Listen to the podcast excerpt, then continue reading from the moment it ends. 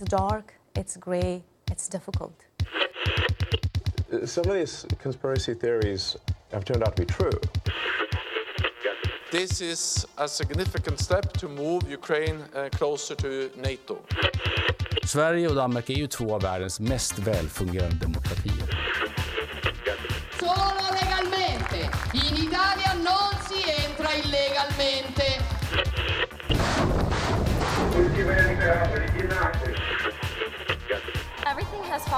Place. I feel really good about where I am right now. Fredrickson of Denmark and uh, the, min- the Ministry of Koma, daughter of Ireland. Do you guys ever think about dying?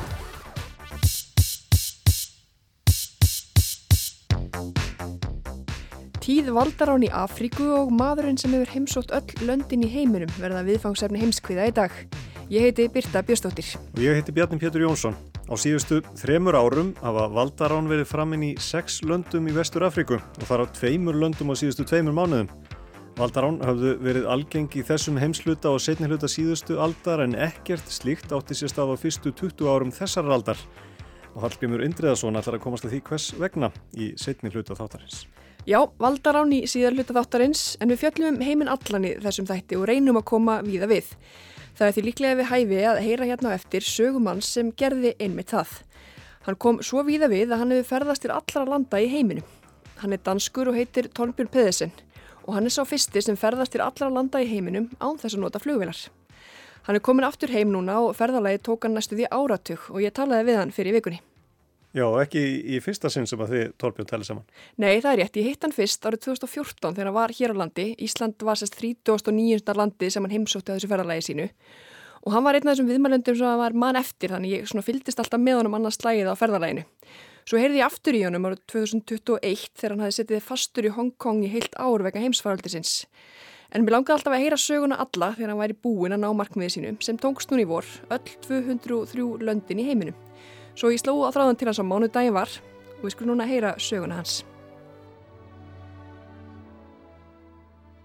Jeg vokset op i nærheden af skov det meste af mit liv, og jeg vokset op som barn med fortællinger om Ivanhoe og Robin Hood og Mowgli og Junglebogen og Torbjörn Pedersen byrjar frásög sína á að segja okkur hvernig það kom til að hann lagði upp í langkvæði sína. Hann óks úr grassi í nágrinni við skó og horfi á myndir um ævintýri Róa Hattar og Mowgli í Jungle Book. Þá leiki tók hann með sér út í skógin þar sem hann setti sér í spór ævintýrihetjana. Hann var aðalhetjan í annara manna ævintýrum. Og så blev jeg ældre, og så læste jeg om rigtige eventyr, og der læste jeg om de første til at, dengang vikingerne, de, de fandt uh, Ísland. Þegar hann var eldri tók bókalestur við af leikjónum í skóginum. Þá las hann sér til um ferðalög og ævintýri, um vikingana sem fundu Ísland, um þá sem fyrstir komist á Norðupólinn og Suðupólinn og um þá sem fyrstir klifu hæstu fjöllin og köfuðu ofan í dýfstu vötnin. Við lestur þessara ævintýra hafið það hins vegar runnið upp fyrir honum að þetta hafi allt verið gert áður. Hann hafi ekki bara fæðist nokkrum árum of seint til að ná fyrstur við líka árangri, heldur hundrað árum of seint. Og så i 2013, i januar 2013, der modtog jeg en e-mail fra min far. Í janúar árið 2013 fekk hann tölvupost frá Karli föðu sínum, fréttum fólk sem hafi ferðast til allra landa í heiminum. Sendingin frá föðurnum var ekki kvartning til að leggja af stað í ferðalag. Þeir hafðu þennan háttin á feðgarnir að senda hver öðrum eitthvað skemmtilegt og áhugavert lesefni öðru hverju. Og det er første gang, at det går op for mig, at man kan besøge alle verdens lande. Jeg troede, man skulle være millionær, og jeg troede, man skulle bruge hele sit liv. Jeg tænkte, hvis du bliver 100 år gammel, så er det ikke engang sikkert, at man kan nå alle verdens lande. Torbjörn segir þetta í fyrsta sinn sem hann hafi átt að segja á því að hægt væri yfir höfuð að heimsækja öll löndin í heiminum. Hann hafi talið að heil mannsaldur digði ekki til og að ferðarlag sem þetta kostaði miljardar. En í greininni kom fram að 200 manns hefðu þá náð þessum árangri en enginn þeirra hafði gert það án þess að ferðast með flugvilum. Þá var Torbjörn 34 ára og hugsaði að þetta hefðan þurft að vita 10 árum fyrr. En þarna var samt frægi sáð. Hann gati ekki hægt að hugsa um að þarna gæti verið tækifæri til að gera eitthvað sem enginn hefði gert áður. Næstu mánuði velt hann fyrir sig hvernig slikt ferðala geti gengið fyrir sig. Hann segist ekki hafa verið farin að hugsa sér láta vaða, einfallega verið að velta fyrir sig hvort þetta væri yfir höfuð hægt. Eftir að hafa leið yfir áformónum í nokkrar vikur tók hann ákverðin. Um nýju mánuðum eftir að fadur hans sendi honum frétt um heimshornaflakkara, pakkaði nýri bakboka og held af stað.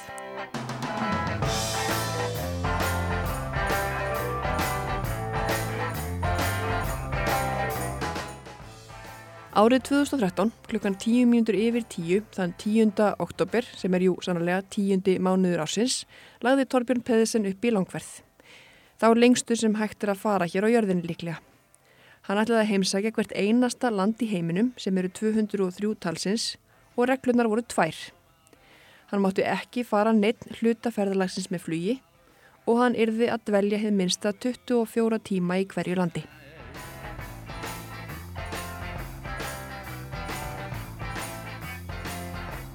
Þetta er ekki í fyrsta sinn sem við Torbjörn ræðum saman. Vorið 2014 starfaði ég á fréttastofu stöðu 2 og meðal verkefna þann annan mæ var að hitta danskan mann sem var stattur hér á landi. Hann hefur einsett sér að snúa ekki aftur heim til Danmarkur fyrir hann hefur heimsótt öll hinn löndin í heiminum. Torbjörn Peðisen lagði upp í heimsreysu fyrir hálfu ári en hefur sett sér þá reglu að notast ekki við flugvilar á fersinni.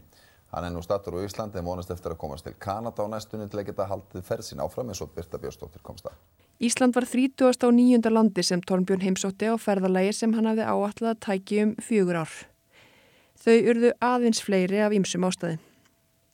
Heimsfaraldur koronavirunar hafði áhrif á okkur öll og ekki síst mannin sem þá var enn á flakki um heiminn. Við Tornbjörn rættum aftur saman í februaru 2021. Þá hafði hann setið fastur í Hong Kong í heilt ár og var ennaðurinn að ná markmiði sínu. Þá spurði hann meðal annars hvort það hefði aldrei kvarla aðunum á þessum þá átta árum að einfallega gefast upp. Bandi sig flug með að halda heim til Danmarkur. Jo, jo, det kan du tro. Hver, hver dag synes jeg, at øh, tanken er der. Og her de seneste dage, der har jeg tænkt rigtig, rigtig meget over det. Altså, hvornår er det, hvornår er det nok? Jú, það máttu bóka, svaraðan. Á hverjum degi er svo hugsun til staðar. Og síðustu daga hef ég sérstaklega hugsað hvenar er komið nóg. Þetta var í februari 2021 og þá átta nýju lönd eftir til að ná markmiði sínu. Nýju lönd sem flest voru afskektar eigjar í Kirrahafi. Það liður um tvö ár frá síðasta samtali okkar þanga til að hann hafði noksins náð markmiði sínu. Maldi vegar voru síðasti áfangastæðinu sem hann náði ekki fyrir en á þessu ári, aðeins meirum það því rétt á eftir. Við Torbjörn rættum sem satt saman síðastliðin mánudagan hann er nú komin heim til Danmarkur aftur eftir hartnir ára tug á ferðalegi og hann er enn fyrsti og eini í jarðabúin sem hefur náð þessum árangri að ferðast til allra heimsins landa án þess að stíga upp í flugvill. Du har meir enn 13.000 cykelryttere der har gennemført Tour de France og du har meir enn 6.000 bjergbestigere der har været på toppen af Everest Yfir 13.000 manns hafa hjólað Tour de France, fleiri en 6.000 hafa komist á tind Everest. Yfir 550 jarðabúar hafa komist út í geim. En það eru innan við 300 manns sem hafa heimsótt öll lönd heimsins. Þau eru fjögur sem hafa heimsótt öll löndin í heiminum tvísvar og tveir hafa komið til allra landa í heiminum í einni og sumu ferðinni. Það er án þess að fara heim á milli. Og svo er Torbjörn sá eini sem hefur farið til allra landa í heiminum án þess að fara með flugi. Og du har to som har besøgt alle verdens lande i et hug. Så de forlader deres hjem og besøger alle lande og kommer tilbage. Og der er jeg den ene. Og så har du en, som har besøgt alle verdens lande under flyv. Fyrstur til að fara til allra landa heimsins var finskur bladamaður á nýjunda áratögnum. Í kringum árið 2000 voru þau um það byrj 20 sem hefðu náð þessum árangri. Árið 2013 voru þau um 200 og í dag eru þau um 300. Omkring år 2000 der var der cirka 20 som har besøgt alle verdens lande. Og i 2013 var det cirka 200, og i dag er det omkring 300.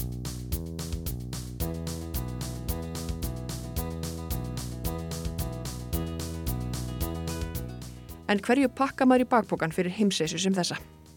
Jeg havde uh, tøj, jeg havde bøger, jeg havde kabler til al den elektronik, jeg havde til en iPad og til en iPhone og til GoPro. Fött, bækur, hlæðslusnúrir fyrir iPad og farsíma og myndavílar. Sjúkrakassa og sveppboka, hengirúm og flugganett, reypi, nývar og áttaviti sem að notaði reyndar ekkert. Hlaupaskó og það er svona það helsta. Farangurinn var að sögt Torbjörns mjög svipaður og heima komið nema búið var að skipta öllu allavega einu sinni út. Havde mistet alle mine knive. Da, da jeg kom til Kina, så tog de alle knivene. Nývarnir skiluðu sér þó ekki heim, þeir voru teknir af honum í Kína. Næsta spurning sem kviknaði í spjallinu er svo hvernig fjármagnamaður næstum ára tuga langt ferðalagum heim allan. Torbjörn fór þar ímstar leiðir. Planið hafi verið að nota um 20 dollara eða 20 efrir á dag og framan af styrti orkufyrirtæki Ross Energy hann um þessa daglegu upphæð. Aðrir styrtaræðilar hafi líka lagt hönd á plóg meðal annars fylgjendur hans á samfélagsmiðlum. Þá notaði hann eigin peninga og tók sömulegis lán og svo notaði hann árin tvö í Hong Kong til að vinna. Sem fyrr segir var eina fáum reglum sem Tornbjörn setti sér að þurfa að dvelja heið minsta sólarhingi hverju landi fyrir sig. Svo regla hægði ferðina til muna á mörgum stöðum, til að mynda í Kirrahafi. Þegar hann útvegaði sér far með skipum sem sildi á milli eigana sem hann heimsótti voru skipin aðeins nokkra klukkutíma í hverju höfn. Til að fara eftir reglunni var þann því eftir í hverju landi og þurfti að býða til næsta skipi sem stundum kom ekki fyrir nettir halvan mánuð eða jafnvel mánuð.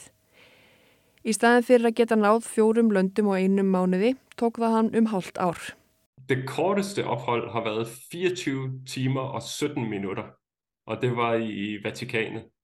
Og det længste ophold har jo så været uh, to år i, i Hongkong. Men, men uden pandemien, så det længste ophold har været 102 dage i Libanon. Stistum tíma á ferðarlæginu varði hann í Vatikaninu, eða 24 tíma og 17 mínútur.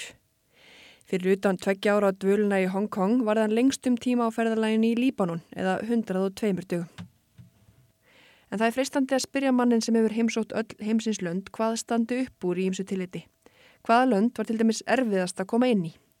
Jeg har tre bud. Det ene det er Ekvatorial Guinea. Det var land nummer 100. Þau eru þrjú svara Torbjörn og það fyrsta var miðbökskínja í miða-Afríku, eitt af minnstu ríkjum álfunar. Það er við líði allraði stjórn og landið skrapar yfirleitt botnin þegar löndum heims er aðað upp eftir árangur í mannreitnindamálum. Miðbökskínja var numur 100 á lista Torbjörns. Hann varði þremur mánuðum í að fá landvistarleifi þangað, leifi til að komast inn í landið.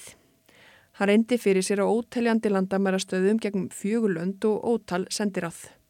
Landvistarleifið fekk hann eftir þessa þrjá mánuði en þá var landamærunum lokað og hann varð að býða í enn aðra 72 daga þar til hann hitti frakka sem gæti aðstóðan. Það tók hann sem sagt fjóra heila mánuði að stryka þetta eina land af listanum. Men så skulle jeg senere hen inn í Saudi-Arabien og det tog mig syv måneder. Setna varð heimsóknin til Saudi-Arabíu enn torsóttari en það tók hann sjö mánuði að komast inn í það land. Þar var staðan reyndar önnur því hann gætt nýtt tíman til annara heimsókna og meðan hann beigð. Og så, så forsøgte jeg at komme til Palau, øh, som skulle være det, et af de sidste lande. Og að lókum var það Palau eiga í Kirrahafi sem átti að vera eitt af síðustu löndunum í ferðinni. Sem fyrir segir festist Torbjörn í tvö ári í Hong Kong vegna COVID en þegar hann gætt loksis lagt í hann til Palau tók það 16 daga að sigla til eigunar. Þar tók við 8 daga einangrun á hóteli og svo nokkrir dagar í frí og svo 16 daga sigling tilbaka til Hong Kong og þar beði tveggja vikna einangrun eftir ferðarleið.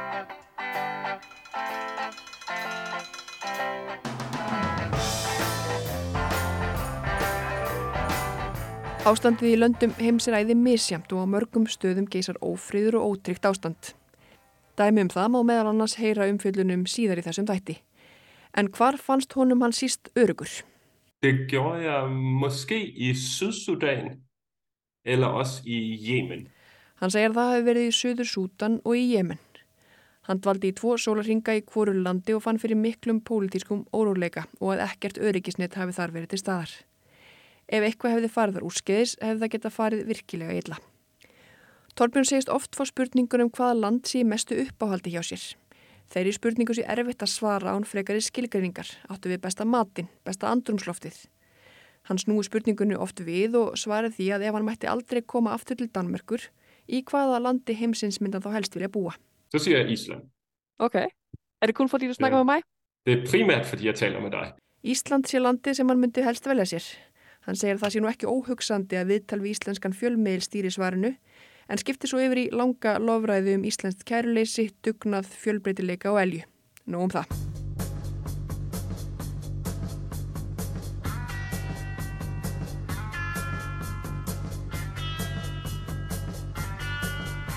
Maldívegar voru síðasta landi sem Torbjörn heimsótti í heimsreisu sinni. Þann 23. mæ fyrir á þessu ári kom hann þangað og kláraði ætlunarverk sitt. Hann segi tilfinninguna ólíkt því sem flestir hafi búist við. Ja, øh, det, er, det er lidt skuffende svar. Det er et meget interessant svar, tror jeg, men, men det er et lidt skuffende svar. Fordi de sidste to lande, Sri Lanka og Maldiverne, der følte jeg ingenting. Þetta er kannski svar sem veldur vonbröðum, segir hann. Mér finnst þetta hins vera áhugavert. Þegar ég kom til síðustu tveggja landana, Sri Lanka og Maldiveja, fann ég ekki fyrir neinu, segir hann. Hann segist að það hafi verið langþreyttur, stressaður og áreitið hafi verið mikið svo hann hafi einfallega verið orðin hálf vélrætt. Hann tók mynd af sér brosandi þegar hann kom á síðasta áfangastæðin en sá sjálfur að brosið var kvorki einlegt nýja náðu það til augnana.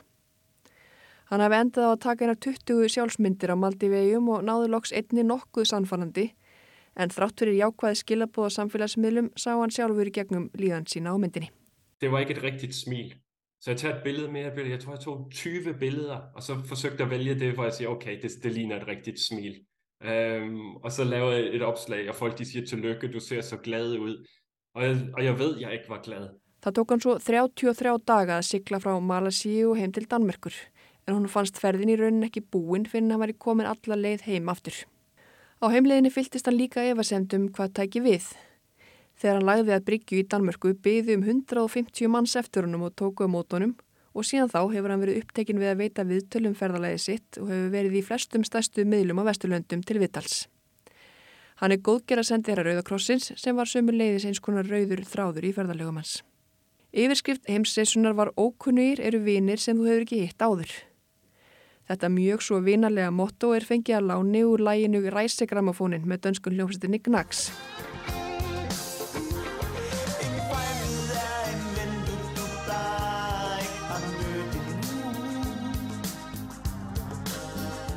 Torbjörn segist að þúsundum vina ríkari. Að kynast nýju fólki eins og hapadrætti með náðast 100% vinninslutfalli. Yfirgnæfandi meiruluti þeirra sem að kynnist skilji eitthvað eftir sig, komi til aðstóðar, hjálpi mannið að sjá heiminn með nýjum augum og svo framvegis. Torbjörn segir að óneitanlega sé hann breyttur maður eftir ferðarlægið og að heimsreisan hafi ekki bara breytt sínans á heiminn, heldur sjá hann margar hluti öðrum augum. Lestur bóka og áhorfa kvikmyndir og fréttir séu dæmi um það. Ja, jamen det gør jeg. Altså, både film og bøger og opslag og nyheder. Hver gang de taler om et land, så er det et land, jeg har været i. Hann segist horfa á kvikmyndir, lesa bækur og fylgjast með fréttum og annan hátt í daginn fyrir heimseisuna. Sama hvað er til umfyllunar, þá er það alltaf í landi sem hann hefur komið til. Hann segist sérstaklega að hugsa til þessa þegar fréttaflutningur er annars vegar. Hann reyni að hafa það hugfast að myndavel fréttaljósmyndarans er alltaf beint að því sem er að. Að baki ljósmyndarans gengur lífið oft sinn vana gang hjá mörgum öðrum en um það sé sjaldan fjallað í fréttum. Þurkar, hungursneið, vopnið átök, spilling og náttúruhamfarir er það sem er fjallað um, en þær fréttir gefi ekki rétt að mynda af öllum heiminum. Og det er jo endnu mere opmærksom på i dag, efter at have været, så jeg har jo været i Somalia, og jeg har været i Nordkorea, og jeg har været i Afghanistan, og jeg har været i Syrien, og jeg har været i Irak, og jeg har været i alle de her lande, og, øhm, og set, hvordan det i virkeligheden er. Og jeg kan godt se, at der kan være problemer, men på samme tid, at, at det er meget almindeligt. Folk er almindelige, folk har almindelige liv, går i skole, går på arbejde og hobbyer, danser TikTok og sådan nogle ting. Það er greinir frá því sem gerist á stökustað en eigi ekki við um meirluta heimsins.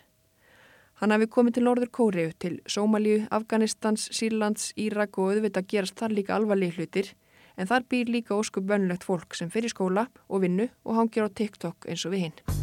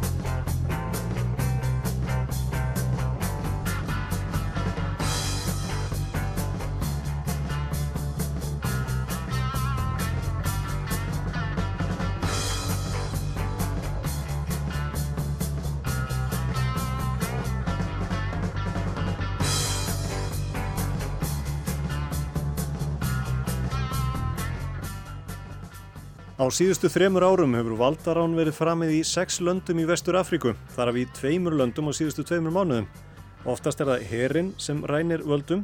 Valdarán hafði verið algengi þessum heimsluta og setni hluta síðustu aldar, en ekkert slíkt átti sér stað á fyrstu 20 árum þessar aldar. Þessi skindilega fjölgun valdarána á sér margislegar skýringar sem Hallgrimur Indriðarsson fer yfir með aðstóð sérfræðings hjá Norrænu Afríkustofnuninni.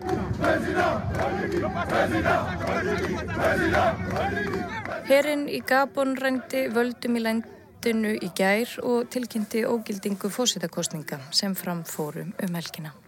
Tólf yfirmenn innan Gabonska hersins tilkynntu í sjónvarpi í dag að þeir ógildi niðurstöður kostninga þar sem Ali Bongo Ondimba fórseti Gabon var endurkjörin í þriðja sinn. Þetta var 30. ágúst síðastliðin. Gabon fekk sjálfstæði frá Fraklandi 1960. Sjórum síðar varð Ómar Bongo fórseti og gengdi því embætti þar til hann lést 2009. Þá tók sonurinn Ali Bongo við og gengdi embættinu fram að valdaráninu. Þeir feðgar höfðu því verið við völd í meira en hálfa öld. Þetta gerðist aðeins rúmum mánuði eftir samskonar valdarán í Níger og þetta eru langt frá því að vera einu valdaránin í vestur Afríku undan farin ár. Forseti og forsetis ráð þeirra Mali eru báðir í haldi uppreysnarmanna í landinu. Herin í Gíniu tók fórsetta landsins höndum í dag og lísti yfir valdaráni. Meiri hluti hersins í Burkina Faso hefur rænt völdum í landinu. Herin í Sútan rændi völdum í dag, setti af bráðabyrðastjórn landsins og lísti yfir neyðar ástandi. Herin í Níker hefur rænt völdum í landinu, líðræðislega kjörin fórseti er í haldi. Engar áhyggjur, góður hlustendur, þó að þið hafið ekki meðtekið þetta. Ég skal fara skipulega yfir þetta. Byrjum á Mali. 18. ágúst 2020 kom til skotbardaga í herstöð í borginni Kati, skamt frá höfuðborginni Bamako. Hermenn réðust svo inn í borginna og hann tóku nokkra af aðstu ennbættismönnum og ráþerum landsins, þar á meðal fósettan Íbrahím Búbakar Keita. Mikil óanægja hafði verið með fósettan og mótmæli tíð meðal þegna landsins. Hann hafði meðal annars alveg vanrækt ákveðna landsluta, hagrækt úslutum kostninga og kæft mótmæli af hörku. Valdaráninu var því víða fagnað.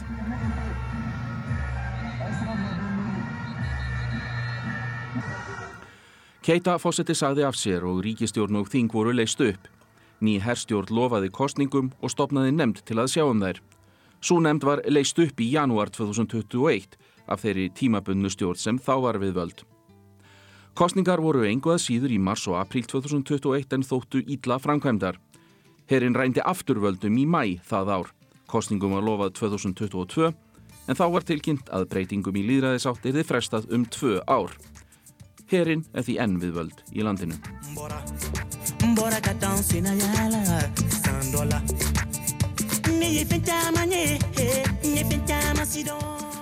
5. september 2021 hann tók herin í Gíneu Alfa Condé, fórsetta landsins, og leisti upp stjórnarskrána og ríkistjórnina.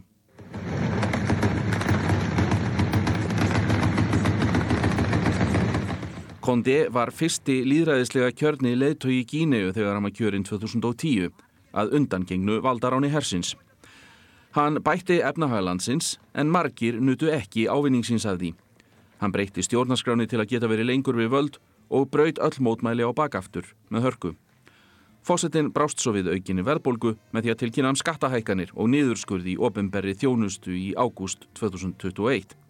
Þá létt herin til skarar skrýða. Valdaráninu var fagnað víðast hvar. Herin er enn við völd. Segja það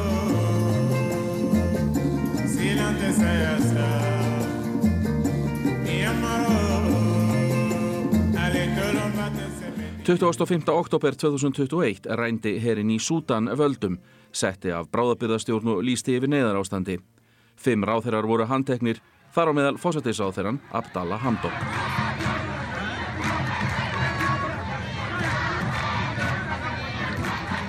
Eftir mikla ónægju bæði í alþjóðasamfélaginu og meðal almennings var Hamdok aftur settur í ennbætti. En hann náði ekki samkomiðlægi um að deila völdum með hernum og sagði af sér ennbætti í byrjun janúar 2022. Fyrsta mæ það ár tilkynnti herrstjórnin að hún gæfi sér 39 mánuði, þrjú ár og þrjá mánuði, til að koma á borgaralegri stjórn aftur. Staðan er enn mjög alvarleg í Sútan þar sem leðtóar hersins og almennra borgara hafa barist um völd í blóðugum átökum á þessu ári sem sér ekki fyrir endan á. En herstjórnin er enn við völd í landinu.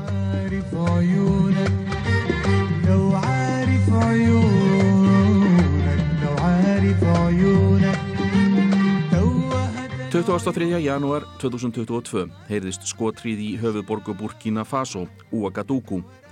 Skömmu síðar tóku hermenn höndum fósettan, Roch Mark Christian Caboret. Dægin eftir tilkynnti herin að hann hefði verið settur af sem fósetti og ríkistjórn, þing og stjórnarskrá verið leist upp. A ainsi décidé de mettre fin au pouvoir de M. Roch Mark Christian Caboret ce 24 janvier 2022. Caboret var gaggríndur fyrir að taka ekki á fjölda árása íhjatista í landinu sem höfðu kostað fjölmarka hermenn lífið. Fjöldi fólks fór út á götur og fagnaði valdaráninu. Caboret saði af sér og herrstjórnin tilkynnti að nýjar kostningar eru undirbúnar. Fyrsta mars í fyrra var þryggja ára áætlunum líðræðis umbætur samþygt. Herrstjórnin er enn við völd.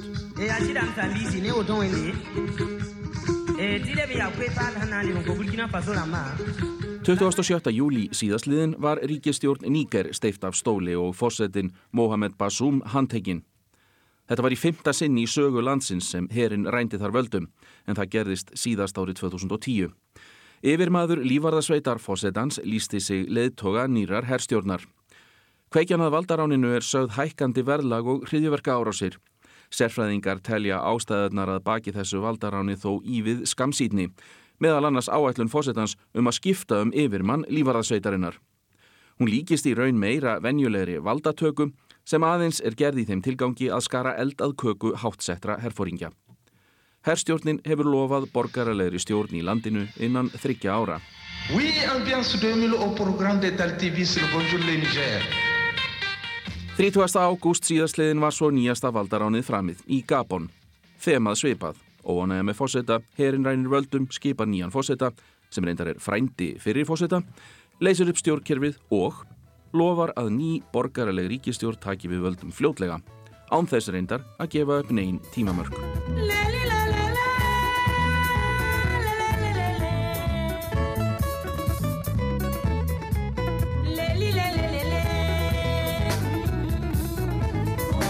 Fyrir utan þetta tók herin völdin í tjat árið 2021 þegar fórsetin lést í ennbætti. En þar sem þar var ekki framið eiginlegt af valdarán höfum við ákveðið að telja það ekki með hér. Ímislegt sem hefur skapað aðstæður til valdaráns í hinnum löndunum á þó líka við þar. En hér eru aðeins talin upp valdarán síðustu þryggja ára. Valdarán í Vestur Afríku hafa verið tíð frá því um miðja síðustu öld. Frá þeim tíma hafa til að mynda verið gerðar 17 tilraunir til valdaráns í Sútan og 10 í Burkina Faso, svo dæmi sér tekið. Þær hafa ekki allar tekist.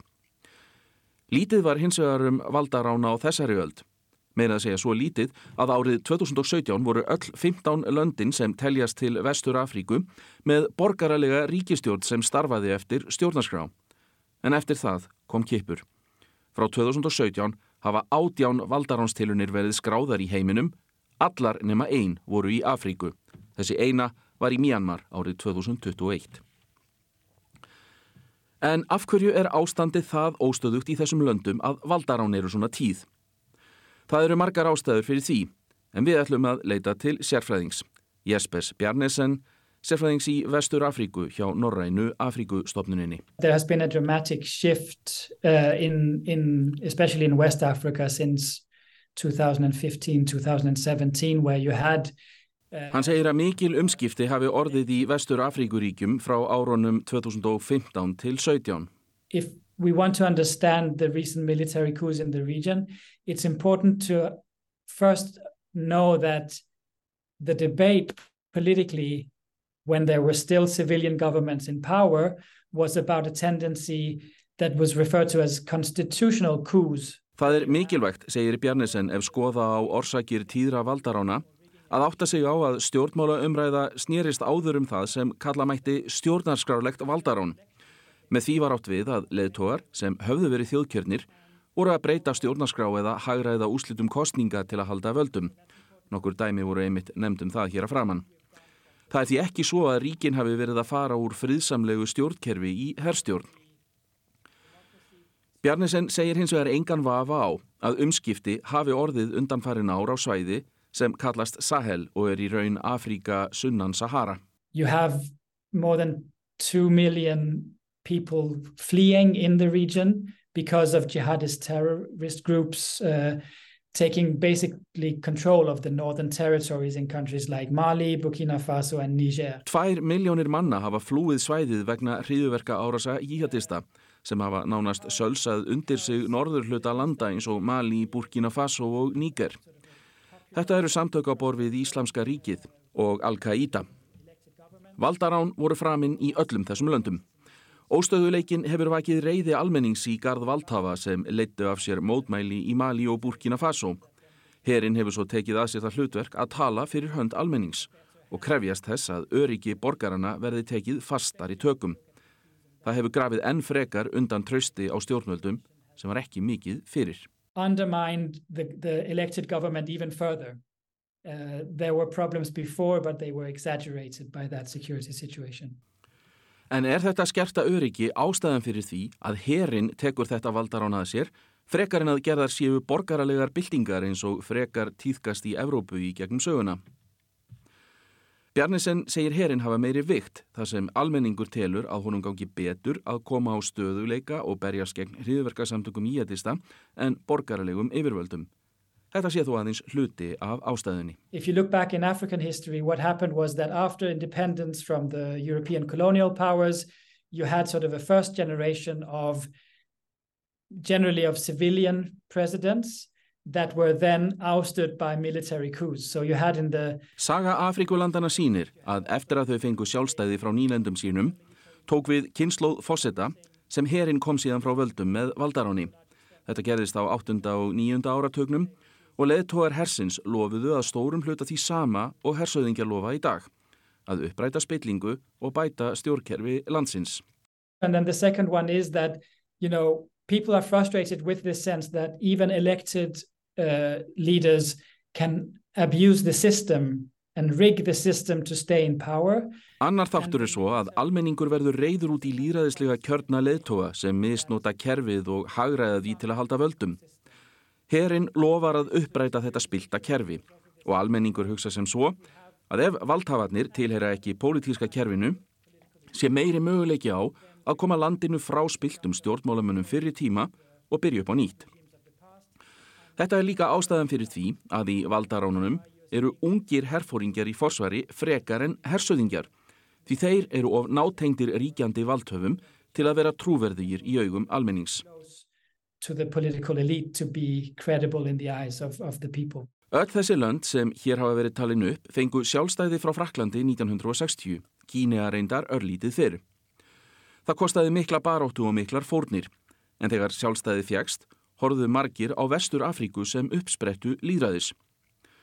Nú er staðan hins vegar svo að í mörgum þessara ríkja eru valdarán algengari en heiðarlegar og gagsæjar kostningar.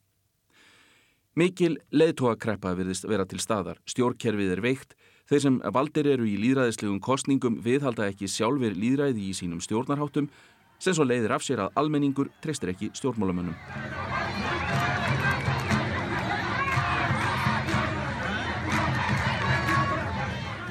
Jesper Bjarnesen bendir reyndar á að í gömlu frönsku nýlendunum hafi valdakerfið byggst upp á miðstýringu, þar sem fórsetin er miðjan í kerfinu Á meðan í öðrum ríkjum Vesturafríku, til dæmis Níkeríu, hafi tekist að draga úr miðstýringu valds og dreifa völdunum betur. Það gerir valdaránin líka auðveldari í þessum löndum því þegar æðsti valdhafinn er tekin úr umferð er auðveld að ná völdum. Þá hafi viðvera fransks herliðs valdið deilum í þessum löndum. I think uh, we have to say that, that France's military uh, presence in the Sahel region has been a complete failure. Viðvera fransks herliðs sunnan Sahara hefur algjörlega mistekist, segir Bjarnisen, og átt þátt í að álit almennings og stjórnvalda á frökkum hefur minkað. Hún hefur líka átt þátt í átökunum því frakkar hafa ákveðið að taka á jíhatistum í Níger af hörku með því að taka leðtóana úr umferð, meðan yfirvöld í hinumlöndunum hafa kvart til viðræðina. Frakkar hafa því sjálfur að einhverju leiti skapa þessar aðstæður með því að hlusta ekki á hvað fulltrúar Afríkuþjóðana hafa að segja um lausnir í öryggismálum. Og það eimir enn af nýlendutímanum, þó að margt hafi breyst síðan þá. Ein af ástæðunum sem hafa verið nefndar fyrir þessum tíðu valdaránum er að þarna sé landlæg menning, spillingar og refsileysis. Hún hafi veikt grunnstóðir ríkjana, rýrt tröst almennings og haft slæm áhrif á grunnþjónustuna. Venjulegt fólk sípur segðið af þessu þar sem það lepur dauðan úr skil, á oft erfitt með að fá vinnu og hefur lítinn aðgangað heilbriðistjónustu og mentun meðan háttsett fólk makar krókin. Það er lítið um að stjórnmálamenn í þessum löndum horfi lengra fram í tíman en til sinnar eigin valdatíðar. Þetta þurfi að breytast ef stöðuleiki á að nást. Orsökin fyrir valdaránunum sé ekki bara valdasíki hersins, heldur tómarum sem skapast þegar líðræðiskildi eru ekki viðhöfð og spilling er allsraðandi. Viðbröð alþjóðasamfélagsins, engum vesturlanda við valdaránunum er svo annar handlegur. Þau eru nefnilega afar misjöfn eftir því hvaða löndeiga í hlut. Sem dæmi voru mun sterkari viðbröð við nýjafstöðnu valdaráni í Níker en valdaránunum í Mali 2020 og Gíneu og Burkina Faso 2021.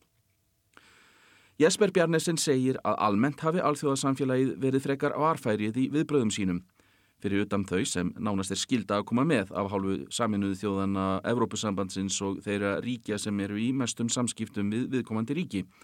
Að fordæma valdarán og hvetja til þess að þjóðkjörin leðtogi verði settur aftur í ennbætti. Svo eru settar á efnagastinganir sem í raun hafa aðeins tákgræna þýningu.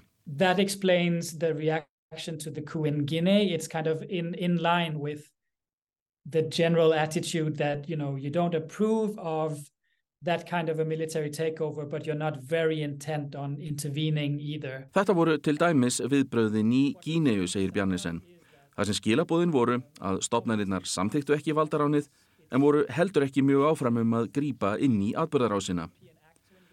Það sem hefur hins vegar gest er að Frakland hefur mist stöðu sína sem það ríki Evrópu sem er í mestum tengslum við löndin á þessu svæði.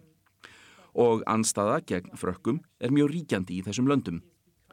Sterkari viðbröði í Níker en hinum löndunum skýrast af því að Níker var síðasta ríkið sem vildi vinna með alþjóðastofnunum, engum evrópskum stofnunum. Þær telja að ef Níker verði enneitt landið með herstjórn sem hefur neikvæða afstöðu til Evrópu, þá séu tengslinn við svæðið sunnan Sahara nánast rofin. Then, you know, uh, the connection to the region is, is almost lost. Jesper segir að þess vegna hafi ECOWAS, bandalag Vestur Afríkuríkja, líka brúðist við á sama hátt. There were sort of mild sanctions and not a lot of other reactions. In Niger we suddenly saw the threat of an intervention and, and a much stronger reaction.